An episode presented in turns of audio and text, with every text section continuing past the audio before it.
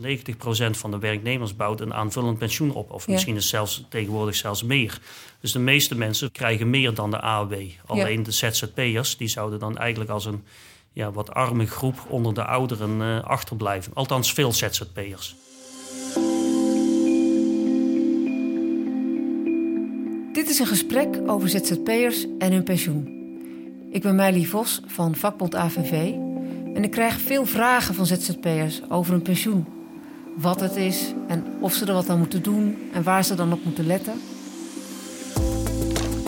We hebben hoogleraar Roel Beetsma gevraagd of hij zijn kennis over pensioen wil delen met ons. En dat wilde hij. Roel Beetsma is MN hoogleraar pensioeneconomie aan de Universiteit van Amsterdam en lid van de European Fiscal Board. Kan je proberen uit te leggen voor de leek hoe het Nederlandse pensioenstelsel in zijn algemeenheid in elkaar zit? Je hebt de zogenaamde drie pijlers. De eerste pijler is de AOW, Algemene, Algemene Ouderdomswet. En die is eh, beschikbaar voor, dat is zeg maar door de overheid wordt dat eh, betaald. Ja, daar worden premies voor betaald. Ehm, maar eh, die is eh, voor iedereen. Dus wij al- betalen allemaal eraan. wij betalen daar En iedereen heeft er recht op, ongeacht of je ge- gewerkt hebt of niet. Dat is correct. Iedereen heeft er recht op. Ehm, ja, mits je, hè, als je 50 jaar in Nederland hebt gewoond, dan heb je een volledige AOW. Als je korter in Nederland hebt gewoond, dan heb je een deel daarvan. Oh ja, mijn moeder die is pas op haar Ja. twintigste naar Nederland gekomen. Die heeft een AOW-korting. Ja, Ja. maar in principe is het voor iedereen. Ja. Ongeacht of je gewerkt hebt, hoeveel je verdiend hebt. Voor iedereen is er de AOW en de AOW is even hoog. Ja. Ehm, hè, je dus inderdaad 50 jaar in Nederland Hoe hoog is die nu op dit moment? Ehm AOW-uitkering voor een alleenstaande is eh 1150 eh, netto. Maar dat is de eerste pijler. Die Ja. wordt door de overheid verzorgd. Dan hebben de meeste mensen hebben nog een aanvullend pensioen. En dat aanvullende pensioen dat bouw je op door te werken. En eh, tijdens je werkzame leven, eh, jij als werknemer betaalt premie, werkgever betaalt premie en dat wordt dan ingelegd in een eh, pensioenfonds, meestal in een pensioenfonds. En op die manier bouw je een aanvullend pensioen op. Hè? En dus als je met pensioen gaat, keert dat pensioenfonds keert naast de AOW, die door de overheid wordt verzorgd, keert het pensioenfonds een pensioen uit. Dus een pensioen in de tweede pijler, dat eh, wordt gespaard eh, door werknemer en werkgever samen. Er ook altijd gezegd dat het ongeveer 70% van je laatst verdiende loon is. Klopt dat? Ehm, nou ja, dat is altijd het streven geweest. Hè, maar dat is, eh, en ik denk in het verleden was dat ook vaak wel zo.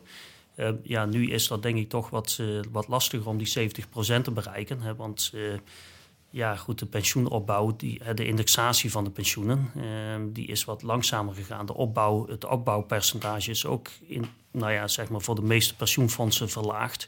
Dus die 70%, ik denk dat dat voor veel mensen niet meer is weggelegd. Ehm, ten slotte heb je de zogenaamde derde pijler. Bijvoorbeeld ZZP'ers zitten in het algemeen niet in een pensioenfonds, maar die bouwen eh, bijvoorbeeld via een verzekeringsmaatschappij bouwen ze zelf een pensioen op. Hè? Dus zij betalen premies, die gaan in een potje. Dat potje dat wordt belegd en eh, als, als ze met pensioen gaan, dan wordt dat omgezet in een maandelijkse uitkering. Hoe doet Nederland het in vergelijking met andere landen in Europa? Ehm, nou, het Nederlandse pensioenstelsel staat hoog aangeschreven en eh, daar ben ik het ook wel mee eens.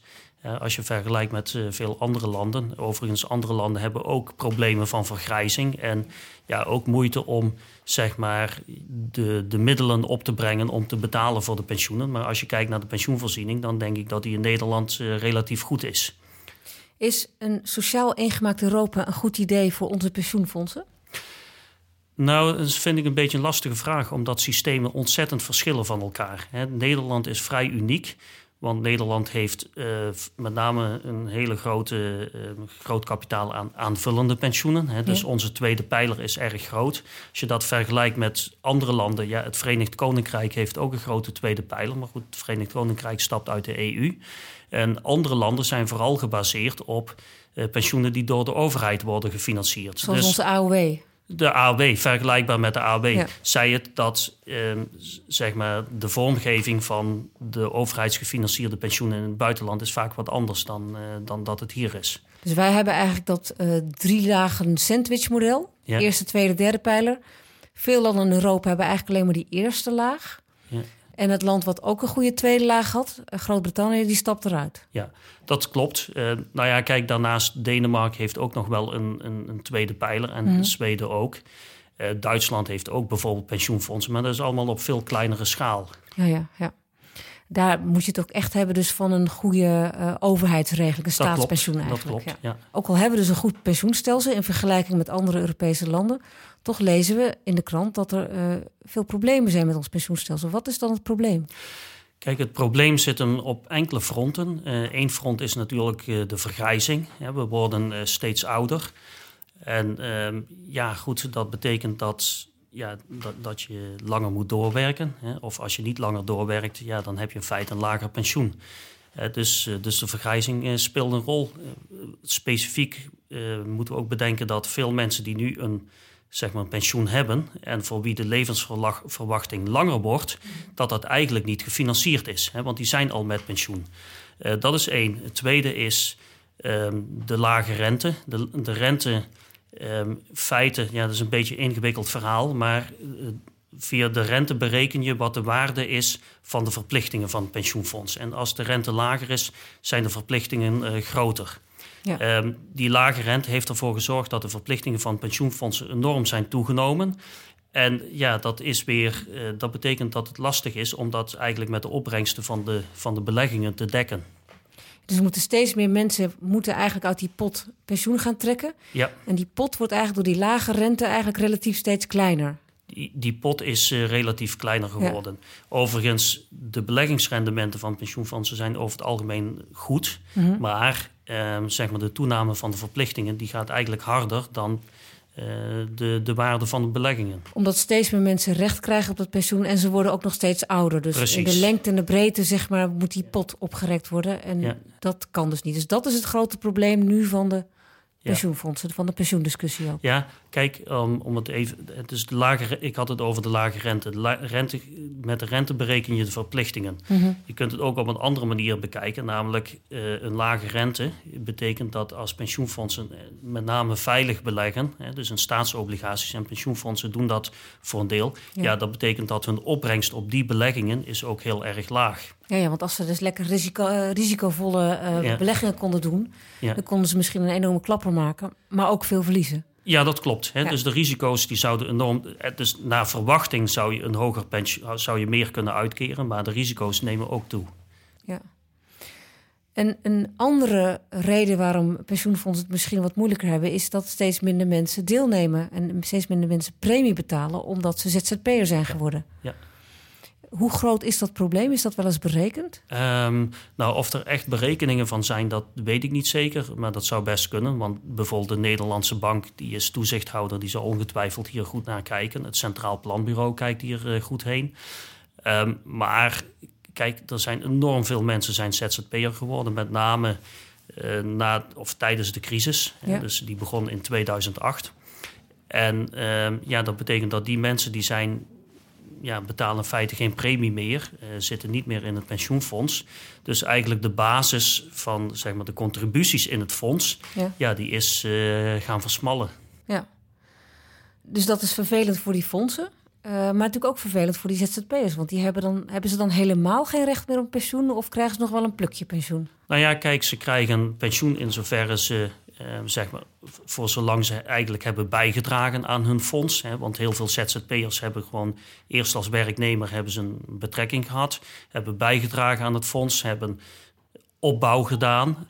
Dat betekent dat als ze met pensioen gaan, dan krijgen ze nog wel een, een kleine uitkering uit hun fonds. Maar op een gegeven moment ja, zijn, ze uit, zijn ze ZZP'er geworden, uit het fonds gestapt.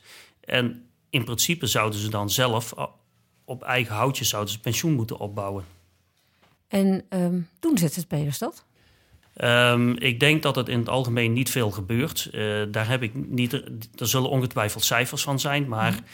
het is algemeen bekend dat het best een groot probleem is dat heel veel ZZP'ers, uh, een groot deel van de ZZP'ers, bouwt geen pensioen op of te weinig pensioen. En de reden is, althans, ik vermoed dat een belangrijke reden is, dat ZZP'ers die moeten uh, zowel de werkgevers als de werknemers premies betalen. Hè? Want ja, er is geen werkgever die meer op de achterhand zit. Dus ze moeten beide premies betalen. En daarbij komt dat veel ZZP'ers zijn eigenlijk uit nood gedwongen zijn ze ZZP'er geworden. Wat mhm. betekent dat, ja, dat ze vaak, ehm, hoe zou ik het zeggen, niet zo'n heel grote ja, basis aan, aan inkomsten hebben. Ze kunnen het ook niet betalen dus? Ik denk geen dat, geld opzij leggen Precies, want hè, dus eigenlijk om uit nood ZZP'er te worden, is eigenlijk een, een hele slechte basis. Ja. Ehm, ja, veel mensen zijn werkloos geworden, uh, overbodig geraakt tijdens de crisis, zijn ZZP'er geworden. En uh, ja, hebben vaak geen grote klantenkring om, om te bedienen. Dus ze verdienen ook niet veel. Dus ze kunnen ook niet heel veel uh, afdragen aan pensioenpremies. Maar dan zou je toch zeggen voor die ZZP'ers, want die verdienen waarschijnlijk dan per maand ook niet zoveel. Uh, zeg, het is het, 1200 euro misschien. Ja dat dan de AOW voor hen voldoende is. Als ze op een gegeven moment dan de, de 66 of 67 worden. Ja, kijk, zij krijgen natuurlijk AOW. Maar het punt is dat uh, de meeste, zeg maar de werknemers, 90% van de werknemers bouwt een aanvullend pensioen op. Of misschien is zelfs tegenwoordig zelfs meer. Dus de meeste mensen krijgen meer dan de AOW. Alleen de ZZP'ers, die zouden dan eigenlijk als een ja, wat arme groep onder de ouderen uh, achterblijven. Althans, veel ZZP'ers. Ben je daar bang voor dat, dat er op een gegeven moment een toename komt van armoede weer onder ouderen, namelijk voormalig ZZP'ers? Uh, nou, daar ben ik, daar, ja, dat zie je wel aankomen. Hè? Dus mensen die ZZP'er zijn geworden en niet zo heel lang hebben bijgedragen aan hun uh, oorspronkelijke pensioenfonds. Ja, eh, en ook niet in staat zijn om die premies op te brengen. Ja, Die mhm. zijn veroordeeld tot AOW plus misschien een heel klein aanvullend pensioentje. Dus die zullen niet heel breed hebben. Ja, en die AOW is dus, hoorden we net, 1150 euro per maand. Dus daar moet je maar net van kunnen leven. Ja, goed. Kijk, als jij. Uh, nou, vaak zullen huizen misschien zijn, zal een huis misschien zijn afbetaald. Maar uh, ja, het is niet heel, uh, heel breed. Het is geen vetpot. Nee.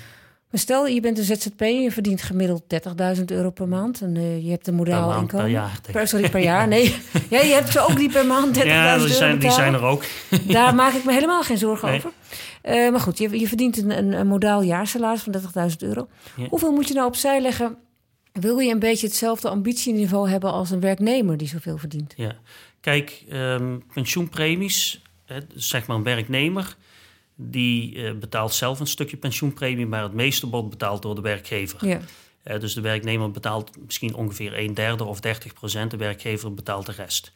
Um, pensioenpremies zijn in de orde van 20 à 25 procent in zijn totaliteit. Nou, um, dat, dat geldt voor. Van je, van je netto's. Uh, van je netto nou, nou, van je bruto salaris. Want de pensioenpremies die worden betaald voordat uh, de belasting wordt betaald. Ja.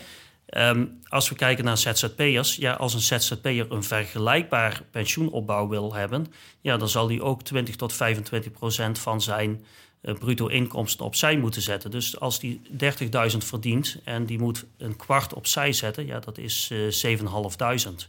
Dus dat is een forse, forse hap uit zijn, uh, uit zijn inkomen. Nou, dat is ongeveer um, de zelfstandige aftrek. Ja, en um, kijk, het is wel zo, ja, het is wel zo dat. Um, kijk, het is voor belastingen natuurlijk, ja. maar uh, dat betekent echt een uh, hele forse. Uh, nou, zeg maar een, forse aderlating. Dan moet je wel heel veel discipline ook hebben als ZZP'er om dat klopt. te willen doen als jij een modaal salaris hebt. En je hebt misschien ook een huis en twee kinderen. Ja, dat klopt. Dat vraagt veel discipline.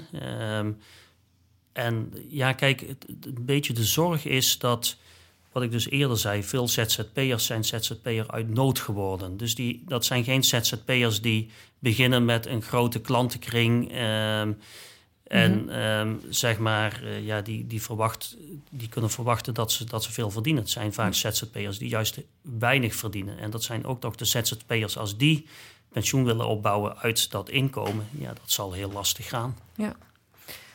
Vind je dat de overheid hier een taak in heeft? Zou die meer moeten doen om ZZP'ers te ondersteunen of te verplichten? Of misschien een, uh, een ZZP-pensioenfonds op te richten?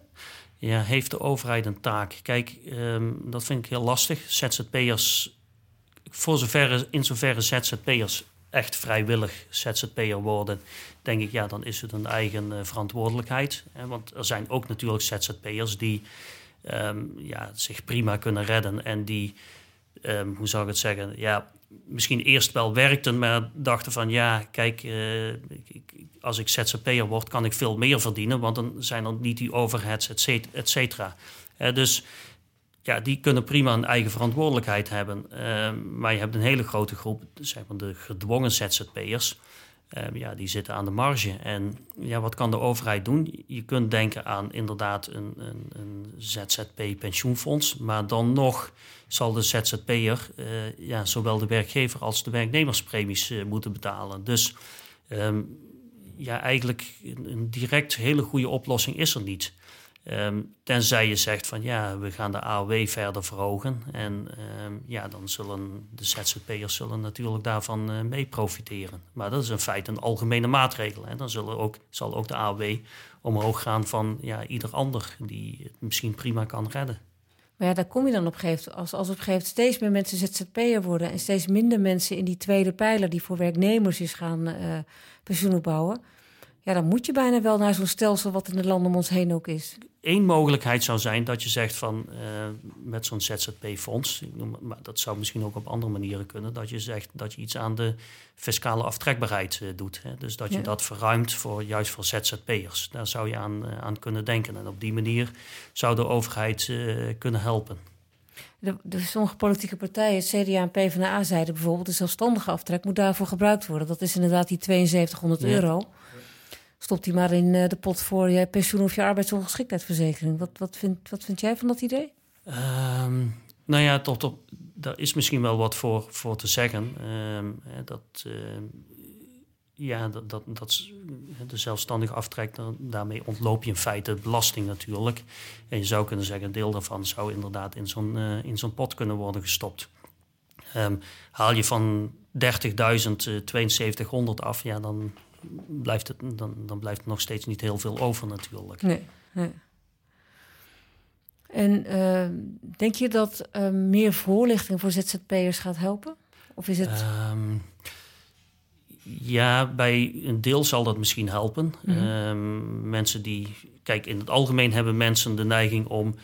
Hoe zou ik het zeggen? Uh, hun geld te snel te willen uitgeven. Hè. Dat is, mensen zijn ja, toch ik, tot op zekere hoogte... Van, ik weet alles van. mensen zijn, mensen zijn, mensen zijn tot op, op, tot op grote hoogte uh, kortzichtig. Daarom hebben we natuurlijk ook een verplicht pensioenstelsel voor werknemers. Precies. Maar ZZP'ers zijn toch even kortzichtig als werknemers? En uh, ZZP'ers zijn waarschijnlijk even kortzichtig. Dus, dus kijk, die mensen, die, mensen kun je, hoe zou ik het zeggen, wel helpen om uh, ja, daarvan meer bewust te zijn. En zeg maar ja, instrumenten aan te, aan te reiken om uh, nou ja, zeg maar meer te gaan sparen. Hè. Dus je zou kunnen zeggen van oké, okay, mensen kunnen, uh, je maakt het makkelijk voor mensen om te sparen, om automatisch te sparen uit hun, uh, uit hun inkomen. Dat zou, mm. dat zou mogelijk moeten kunnen zijn.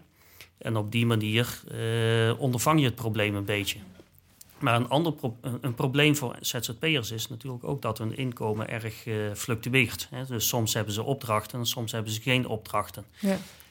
Um, en dat maakt het lastig om zeg maar, een regelmatige afdracht te doen aan een, uh, aan een of andere regeling. Ja, het blijft natuurlijk wel onbevredigend dat we dan uh, het risico lopen dat we over een aantal jaar al die nou, inmiddels 1,2 miljoen ZZP'ers, een flink gedeelte van hen dus redelijk arm is. Is misschien een oplossing die ook dit huidige kabinet onderzoekt. Een minimumuurtarief voor ZZP'ers, waarvan ze dan ook misschien iets moeten doen voor een pensioen. Is dat een oplossing? Ja, kijk, een minimumuurtarief. Um, ik, ik, ik, kan me voorstellen, of ik kan zien waar, waar dat nuttig voor is. Hè? Mm -hmm. Want ja, je wil in feite, zeg maar, dat hetzelfde betaald wordt. Uh, zeg maar, in zekere zin een bedrijf hetzelfde betaalt voor een werknemer als voor de inhuur van een ZZP'er. Ja.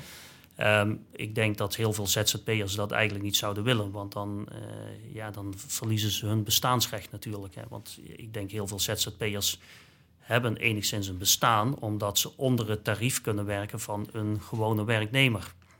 Hè, dus, um, en daarom hebben we natuurlijk ook ja, steeds meer wetgeving gekregen die in feite ervoor moet zorgen dat mensen niet, ja, hoe zou ik het zeggen, um, uh, ja, de facto werk, zich als een werknemer gedragen, maar het aanpak juridisch niet zijn. Hè? Ja. Dus aanpak ja. van, uh, van schijnzelfstandigheid. Um, dus ik denk heel veel, heel veel ZZP'ers uh, zouden uh, zo'n minimumtarief niet, niet willen. En nee. ik, maar goed, het is wel kabinetsbeleid. Het is wel kabinetsbeleid. Um, Ik denk wat misschien ook bedacht moet worden, is dat. Uh, kijk, veel mensen zijn tijdens de crisis ZZP'er geworden. Mm -hmm. Um, wat denk ik heel belangrijk is om, ook te zien, is dat uh, wij vergrijzen. Het aantal werknemers dat, of het aantal mensen in werkzame leeftijd, dat neemt af. Dus mijn verwachting is dat eigenlijk zeg maar, de gang naar het ZZP-schap, dat dat ook wel weer gaat teruglopen. De vraag naar uh, arbeidskrachten die zal zo toenemen, verwacht ik, dat um, dat, dat ZZP-probleem, om het zo maar te zeggen, dat dat uh, waarschijnlijk ook wel weer zal afnemen. Dat steeds meer mensen weer gewoon een loonies gaan en dus ook weer de tweede pijler pensioen gaan bouwen. En ik zou ook verwachten dat het aantal vaste contracten weer gaat toenemen. Naarmate het tekort aan arbeidskrachten ja. gaat toenemen, dan zullen weer meer mensen in loondienst blijven. Minder mensen zullen noodgedwongen ZZP'er worden. En het aantal vaste contracten zal denk ik ook weer uh, toenemen. Dus het probleem zal zich eigenlijk via de eh, arbeidsmarktvraag en aanbod wel enigszins oplossen? Voor een deel. Uh, niet helemaal, want we zitten nu met een hele grote groep die nu ZZP'er is. Ja. En die niet veel verdient. En die ook zeg maar in een ja, zeg maar opdrachten doet die doen die niet heel erg uh, kennisintensief zijn. Hè? Dus zeg maar mensen die klussen doen, dat soort, uh, dat soort uh, opdrachten. en dat blijft een groep die het moeilijk blijft krijgen, die het moeilijk houdt. Maar die dus ook waarschijnlijk niet meer via het gewone baan in werk als in loondienst. Um, dat denk, dat wordt denk ik dat wordt heel lastig. ja. ja, dus dat, dat blijft een probleem. En zij mogen hopen dus dat de AOW welvaartsvast blijft. Ja, zeker. Anders hebben zij het heel, uh, heel lastig. Als ze het heel lastig krijgen. Wat zou jij met alle disclaimers van dien, hè? dus dit is uh, een, een, een ZZP'er aanbevelen. Die ZZP'er die dus nou, tussen de 20.000 en 30.000 euro verdient. Om, als hij zich toch zorgen maakt over zijn pensioenvoorziening. Ja. Kijk, wat zou ik hem aanbevelen? Allereerst ja, toch de tering naar de nering zetten. Mm -hmm. goed nadenken over het pensioen en kijken dat je regelmatig iets op, opzij kunt zetten. In een gewone, op een gewone spaarrekening of nog iets speciaals? Nou ja, zeg maar voor de opbouw van het, van het pensioen. Hè, want je hebt daar ook belastingfaciliteit natuurlijk uh, voor. Ja. Dus dat is, dat is één. Uh, en ik vind ook dat de overheid hier moet kunnen helpen. Die voor, toch? De fiscale oude dagreserve, die kan ja. je gebruiken als ZZP'er. Ja, precies. Ja. Um, het andere is, denk ik, dat... Um, en hier denk ik dat de overheid ook een, een helpende hand zou kunnen bieden, is om als ZZP'er ook jouw menselijk kapitaal op peil te houden. Dat wil zeggen, jouw kennis op peil te houden, zodat je inzetbaar blijft. En uh, ja, goed, ook hè, als de technologie verandert, dat je ook eigenlijk kunt meegroeien. Ja. Um, en ik denk dat hier zou de overheid ook faciliteiten voor kunnen bieden. Hè? Dus bijvoorbeeld aftrekbaarheid, fiscale aftrekbaarheid van uh, studiekosten of misschien zelfs een fonds voor, uh, voor het volgen van cursussen. Ja, ja, ja. Uh, dus ik denk dat ze, en dat is goed voor de ZZP'ers, maar dat is ook goed voor ja, eigenlijk de BV Nederland. Ja. Hè, want je krijgt een hoger opgeleide groep van mensen. Ja. Moet je dan in de derde pijler naar een verzekeraar of maakt het niet zoveel uit? Kan je het ook op je eigen, in je eigen spaarpot stoppen? Um, of toch via naar je oude pensioenfonds, hè? want je mag tot tien jaar volgens mij je oude pensioenfonds mag ja, je kijk, dus een, een alternatief zou zijn om mensen, uh, ZZ, mensen die ZZP'er worden, om die langer in hun eigen pensioenfonds te kunnen laten blijven. Langer dan nu die tien jaar? Die dan nu die ja. tien jaar, ja. maar ze moeten dan wel de werknemers- en werkgeverspremies ja, Het kost wel wat dus. Het kost wel wat. Dus dat kwart dat van is, je inkomen. ja, Het, is nooit, het is nooit gratis. hè? Het, het, het is dus een fors deel van je inkomen. Je kunt ook via een verzekeraar. Um, het probleem met ja, via een verzekeraar is toch dat ze, het zijn commerciële partijen. In tegenstelling tot de pensioenfondsen. En dat betekent dat ja, um, nou ja, verzekeraars willen ook en moeten ook winst maken natuurlijk. Um, en uh, ja, dat, ze opereren vaak ook op een wat kleinere schaal. Dus de kosten per deelnemer zijn ook wat, uh, wat hoger. En Um, wat denk ik ook best wel een probleem is, is dat, um, ja, zeg maar, als je als ZZP'er, ja, welke verzekeraar moet je kiezen en hoe kun je producten met elkaar vergelijken en hoe kun je eigenlijk uh, jezelf indekken tegen, ja, weet ik veel, de kleine Financiële fantasieproducten, zoals ja, we dat vroeger noemden. Ja. Um, en straks bij jouw pensionering, als je, dan zet je eigenlijk je kapitaal zet je om in een maandelijkse uitkering. En ook daar eh, ja, moet je producten goed met elkaar kunnen vergelijken. Dus dat is best lastig. Maar jij zegt eigenlijk, als het, als het even kan, ga dan naar een pensioenfonds, omdat daar de kosten laag zijn. Ehm, ja, om, om zeker twee redenen. Uh, grote pensioenfondsen ja, kunnen met lage kosten per deelnemer uh, opereren, hè, vanwege hun schaal. Hoe, hoe is het bijvoorbeeld bij het pensioenfonds wat jij het beste kent, het MN uh, van metaal en nijverheid? En, nou, die kosten per deelnemer zijn heel laag, hè, omdat het een heel groot pensioenfonds is. Ja. Um, de fondsen hebben het niet zo heel makkelijk, maar dat is om andere redenen. Maar de kosten per deelnemer zijn relatief laag. Vergeleken met de verzekeraar is het echt een fractie, hè? Ja, en dat geldt ook voor pensioenfonds detailhandel. Ik weet, AVV hm. is daar ook bij betrokken. Kosten per deelnemer zijn heel laag. Ja. Um, dus dat is één reden. En het andere is dat, um, ja, zeg maar, pensioenfondsen zijn natuurlijk geen commerciële partijen. Hoeven geen winst te maken. En die hoeven geen winst te maken. Dus de producten, je kunt misschien met wat meer gerustheid, uh, ja, zeg maar, deelnemen aan een uh, pensioenfonds. Je zegt dus net, pensioenfondsen, die hebben lage kosten. Ze hebben geen winstoogmerk, dus het is misschien rationeler om bij het pensioenfonds te blijven als je op een gegeven moment ZZP'er wordt. Stel dat je werkt in de metaal. Maar als het pensioenfonds um, een lage dekkingsgraad heeft, en in de problemen zit, is het dan nog wel zo rationeel om dan te blijven bij dat pensioenfonds? Um, nou, eigenlijk heb je um, niet veel keuze. je moet bij het pensioenfonds blijven. Je hebt geld ingelegd. En dat, dat blijft bij het pensioenfonds. Ik bedoel, staan. blijven doorsparen. Hè? Dus je blijft in feite doorsparen. dus je hebt, een, zeg maar, je hebt rechten opgebouwd. En die rechten die groeien in feite mee met de indexering.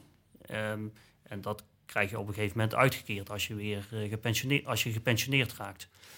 Maar ik bedoel eigenlijk dus dat je dus, je bent ZZP'er en je gaat nu de werkgevers- en werknemerspremie, blijf, ga jij nu zelf betalen aan dat pensioenfonds, ondanks dat het in onderdekking is? Um, ja, dus, dus uh, stel je wordt ZZP'er. Ja.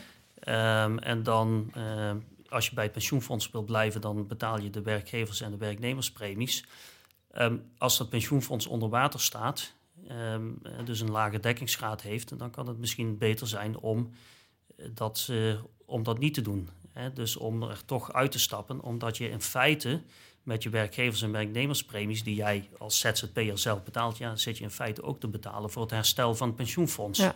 Maar als het pensioenfonds het wel goed doet, dan is het rationeler misschien om te blijven, omdat de kosten laag het, zijn. Dan kan het inderdaad een goed idee zijn om, te, om te blijven. En ergens zit een omslagpunt. Ja. Dus uh, als, die, als het pensioenfonds te ver onder water staat, ja, dan is het verstandig om ja, eigenlijk via een, op een andere manier uh, je opbouw te doen.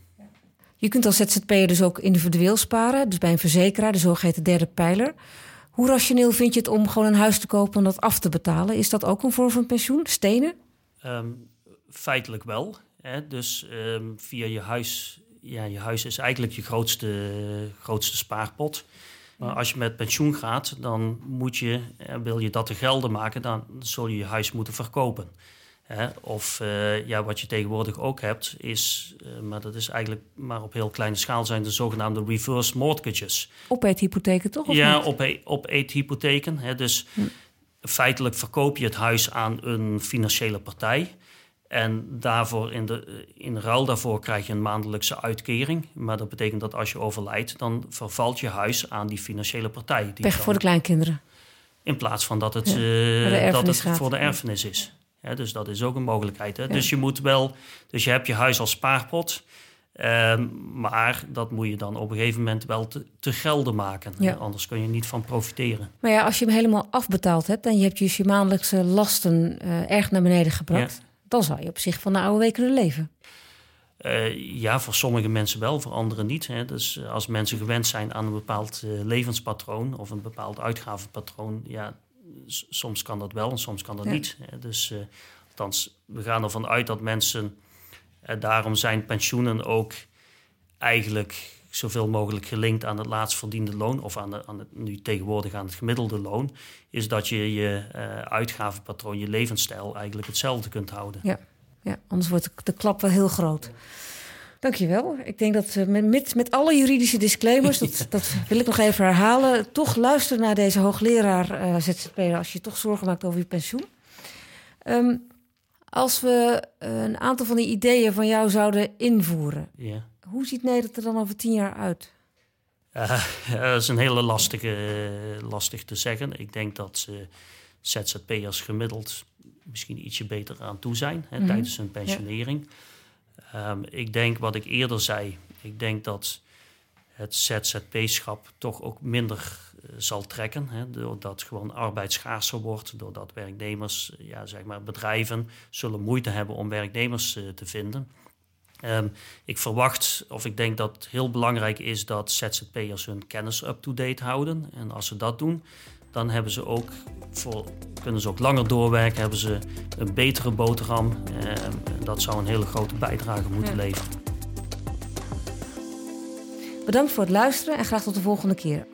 Als je meer wil weten over het pensioenstelsel, kijk dan bijvoorbeeld op onze website www.avv.nu en kijk dan onder academie naar het filmpje Het beste pensioenstelsel van de wereld.